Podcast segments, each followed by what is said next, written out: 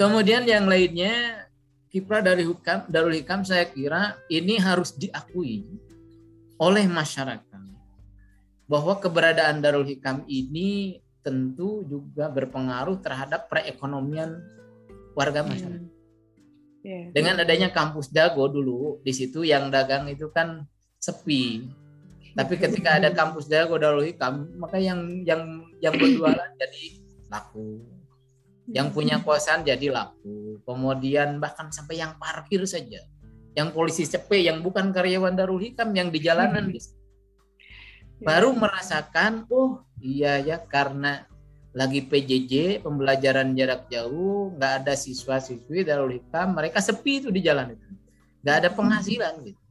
Baru kerasa ketika yang jualan di pinggir jalan sekitar masjid di situ yang di, di atas itu yang mau kebelokan ke Dago Asih itu baru merasakan oh iya bahwa selama ini peran dari Darul Hikam ini um, sangat berpengaruh. Ketika sudah tidak ada, ketika dalam kegiatan PJJ baru mereka merasakan. Mhm. Nah tentu ini juga bukan hanya satu titik kan sekarang ini banyak titik. Ada yang di mhm. Tamso kan gitu ya, ada yang di Ranca yeah. Eke, ada yang di Dago Giri, ada yang di uh, mana gitu kalau itu itu kan ada yang itu bagus Ismail kan gitu ya. Yeah. Nah ini titik-titik yang menjadi tentunya berdampak secara perekonomian kepada masyarakat. Nggak bisa dipungkiri saya kira ketika banyak siswa ada yang dapat order, kebagian order bikin seragam, dapat order untuk catering kan gitu kan ada yang dapat order untuk menjadi supir antar jemput, yeah. ada yang dapat kebagian menjadi peran sebagai tenaga pendidik, ada tenaga kependidikan, tenaga administrasi, ada yang jadi satpam dan sebagainya. Dengan adanya kegiatan ini kan berdampak multi efek di antaranya kepada perekonomian warga masyarakat. Ini nggak bisa dipungkiri. Nah hanya memang begitu biasanya masyarakat masyarakat kurang memikirkan atau kurang mensyukuri. Yang diinget ya oh, gara-gara Darul Hikam jalan jadi macet misalnya yang diinget macetnya aja kan itu. Yang diinget jalan jadi padat dulu ya ketika masa-masa dulu. Padahal ada sisi positif lain yang harus disyukuri. Saya kira dengan adanya kegiatan ini maka perekonomian warga masyarakat harga-harga tanah, harga-harga rumah di sekitar Darul Hikam ini melonjak tinggi ketika setelah ada kegiatan Darul Hikam ini ini harus diakui ini harus di apa dilihat secara objektif saya kira kan gitu. Eh, kemudian yang berikutnya bagaimana peran Darul Hikam dalam sisi ijtimaiyah hmm. ijtimaiyah ini dari sisi sosial kemasyarakatan. Banyak organisasi yang sebenarnya itu pelopornya ini eh, dari eyang emak gitu. Seperti hmm, misalnya ada ibu-ibu pengajian coblong gitu ya. Ibu-ibu pengajian coblong. Kemudian dari situ menginspirasi ada ICIP, ibu-ibu Cisitu Indah peduli gitu. Itu sebetulnya nah, makanya dari situ. Nah, kemudian menjadi organisasi-organisasi kemasyarakatan yang kemudian banyak berkiprah di masyarakat dan alhamdulillah bukan hanya kegiatan-kegiatan pengajian itu yang dilaksanakan ada kerja baktinya atau bakti sosial kepada masyarakat sunatan masa gitu kan? Ada hmm. pengobatan gratis gitu ya. Nah ini sesuai dengan dulu kalau dulu eh, yang apa itu sering menyampaikan kalau dakwah itu jangan hanya kartos jangan hanya dipahami. Tapi bagaimana dakwah itu harus karawos bagaimana harus kerasa oleh masyarakat. Jadi dari dakwah itu berkembang menjadi urusan-urusan yang berdimensi ijtimaiyah yang berdimensi kemasyarakatan yang dirasakan dampaknya oleh masyarakat. Ini luar biasa kalau saya melihat misalnya kiprah ibu-ibu menyelenggarakan kegiatan sunatan massal yang disunatnya kan calon bapak-bapak, tapi yang menyelenggarakan kegiatannya itu ibu-ibu yang menyelenggarakan bukan bapak-bapak. Uh, ini luar biasa dan sudah banyak yang ikut uh, kegiatan itu masyarakat yang di kalangan masyarakat bawah itu mau sunatan itu kan berat itu kan susah kan gitu kan butuh biaya besar. Ikut kegiatan sunatan masal udah gratis. Dia dapat kue sunat juga kemudian dapat baju sunat gratis kemudian dapat uang penyecepnya juga. Kan ini luar, luar biasa kan. Nah, banyak ya, masya Allah. Dimensi-dimensi kegiatan yang uh, atau kiprah Darul Hikam di tengah-tengah masyarakat ini ini luar biasa. Kiprah Darul Hikam di tengah-tengah masyarakat dari mulai kegiatan tarbiyah itu yang paling utama.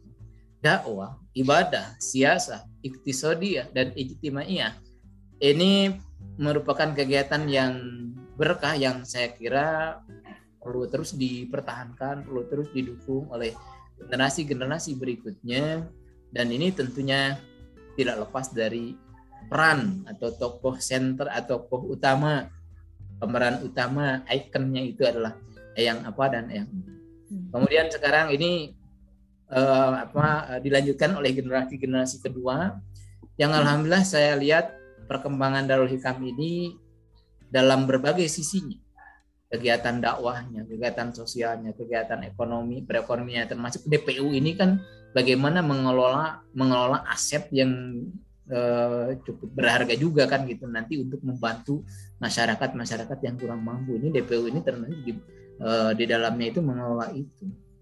Nah, semoga keberadaan Darul Hikam ini akan semakin berkah, menambah keberkahan kepada semua orang yang ikut mengelolanya, termasuk insya Allah nanti para pendirinya juga akan kebagian pahala yang terus mengalir menjadi amal jariah dan insya Allah juga tentu akan memberikan keberkahan kepada masyarakat yang ada di sekitarnya.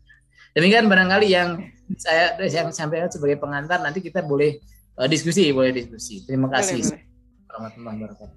Iya, Waalaikumsalam warahmatullahi wabarakatuh. Masya Allah, tabarakallah ini uh, Pak Dr. Deden Sehendar MSI ya, Pak Deden ini Masya Allah tadi ya. udah banyak banget ngejelasin juga ya tentang gimana perjalanan Eyang apa, kemudian juga tadi ternyata Fatih baru tahu ya, ternyata dulu Eyang Emak ini juga sangat-sangat berperan ya dalam membangun ya. uh, majelis-majelis ibu-ibu juga di daerah sini. Wah, ini Masya Allah sekali ya luar biasa dan tadi ya yang paling harus ditanamkan ya terutama mungkin untuk kader-kader Darul Hikam dan juga seluruh pendengar yang ada di sini adalah tadi ya tiga kata tadi aliman, salihan, mujahidan. Wah itu yeah. harus sudah menjadi akar ya akar dari Darul Hikam ini, masya Allah sekali. Nah mungkin ini uh, mungkin Fatih ini sangat-sangat penasaran ya karena udah melihat juga panjangnya perjalanan Darul Hikam yang udah 55 tahun berarti ya. Yeah. Wah ini masya Allah sekali Nah ini pengen tahu nih, Fatian tuh kalau misalnya uh, mau menggali bagaimana nih Eyang Apa dan Eyang Emak ini keduanya bisa saling mengisi dan juga bisa saling memainkan perannya masing-masing. Karena kan ini mereka tidak hanya sebagai uh, ini ya, tidak hanya sebagai pelaku politik aja, tadi juga ada pelaku dalam dunia pendidikan, tapi juga ini sebagai orang tua ya, sebagai uh, Eyang Apa dan Eyang Ama ini bagaimana mereka itu bisa dengan berhasil menurunkan Darul Hikam terus dari generasi ke generasi ini kan luar biasa. Pasti banyak sekali hikmahnya dan mungkin barangkali uh, Pak Deden juga bisa mungkin sedikit sharing nih seperti apa nih bagaimana perjalanannya sampai akhirnya yang apa dan yang ama ini bisa berhasil menurunkan Darul Hikam dari generasi ke generasi. Ya. Apa nih kira-kira Pak? Ya. Uh... Ke mute nih Pak kayaknya. Pak Deden sepertinya termute. Oh maaf maaf maaf. Ini ya, ada lagi ya. Ya. Yeah. Uh, tentu yang lebih tahu itu adalah dari pihak keluarga inti lah kan gitu ya. Tapi Betul. yang saya tahu itu bagaimana masing-masing siap berkorban. Masing-masing siap berkorban. Eh, yang emak itu pengorbanannya luar biasa. Yang apa pengorbanannya luar biasa. Dengan anak, bayangkan aja anaknya kan banyak gitu ya. ya betul. Dengan anaknya yang banyak kemudian yang apa itu ketika itu resign sebagai PNS itu enggak itu enggak hmm, juga enggak keluar dari PNS itu. Bahkan pernah kalau cerita dari yang Ma itu yang apa itu ngejahit gitu. Pernah Masya ngejahit gitu. selain di sela-sela kegiatan dakwah ini dan itu mendirikan lembaga-lembaga pendidikan kemudian dalam kegiatan dakwah berbeda loh dengan seperti sekarang ini. Kalau sekarang ini kan banyak donatur. Kalau sekarang ini kan sumber dana dari pemerintah sedemikian mudah, ya lebih mudah lah sekarang. Kalau dulu itu susah. Jadi bukannya digaji mendirikan lembaga pendidikan tapi mengeluarkan dana sendiri dari kocek sendiri. Iya. Uh, ketika bagaimana ceritanya itu ketika harus tiba tanggal kalau dulu tanggal 25 itu bayaran guru-guru itu ya. Kalau mendekati tanggal 25 bukan ketua yayasan ini yang digaji terlebih dahulu tapi harus mempersiapkan pengurus yayasan ini mempersiapkan gaji untuk membayar guru-guru. Panting tulang itu untuk mempersiapkan gaji ini perjuangan yang saya dengar ini luar biasa. Masya Allah. Nah, saling pengertiannya di situ.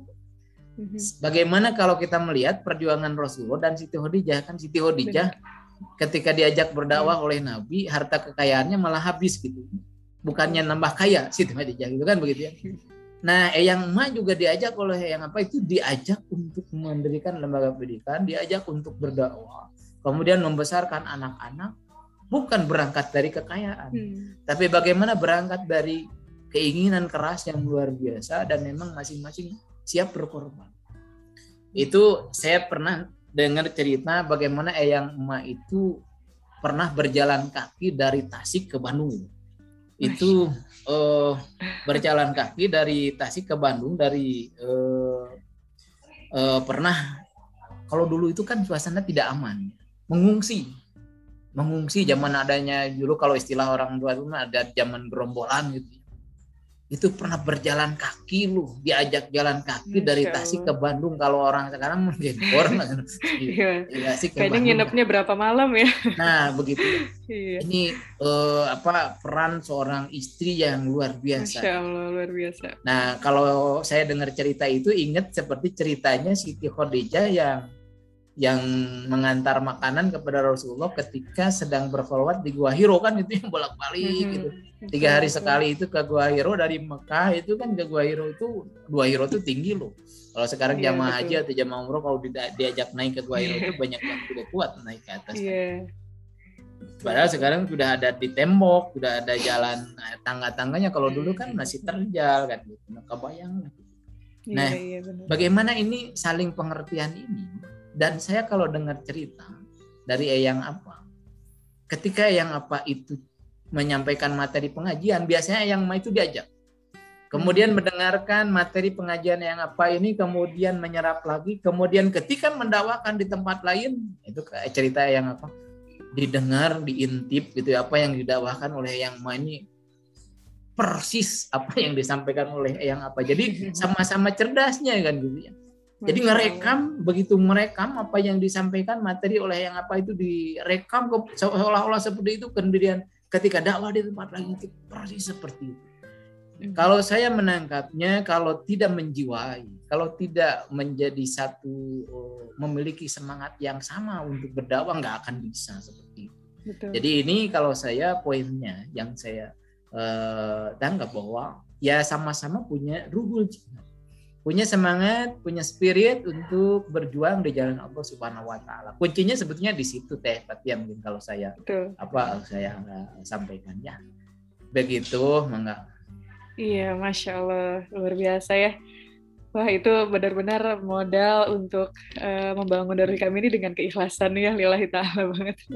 Luar biasa ya ini yang apa dan yang Uma ini mudah-mudahan perjuangannya itu bisa terus dilanjutkan oleh generasi-generasi selanjutnya dan juga ya beda ya memang keberkahannya ketika memang kita itu udah uh, punya niat untuk ya udah membuka pendidikan dan kita berdakwah benar-benar lillahi ta'ala itu keberkahannya beda. Kan sekarang jadi awet ya sampai 55 tahun nih Masya Allah.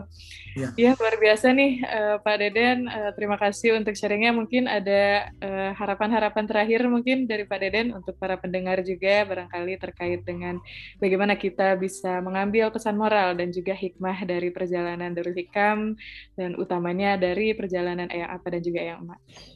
Ya pesan moral saya begini barangkali ya.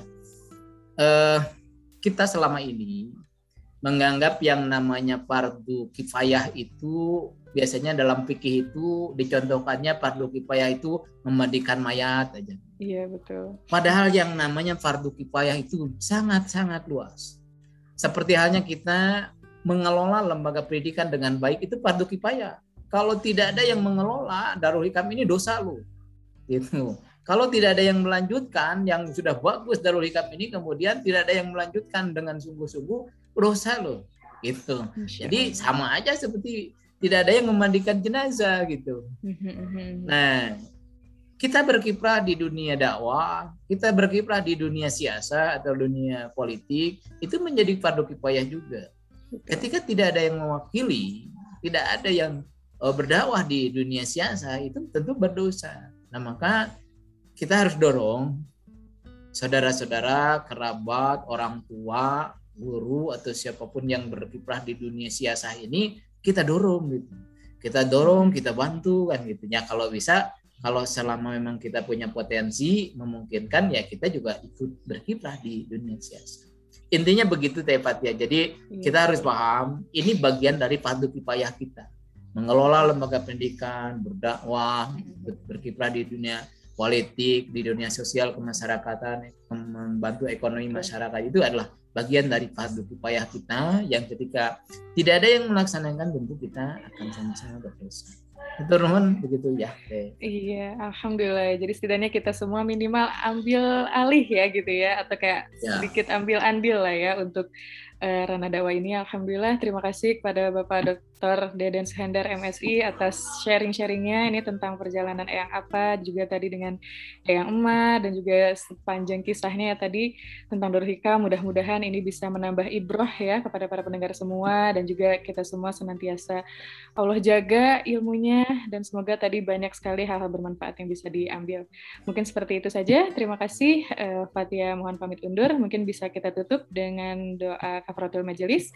Subhanakallah. Subhanakallah asyhadu.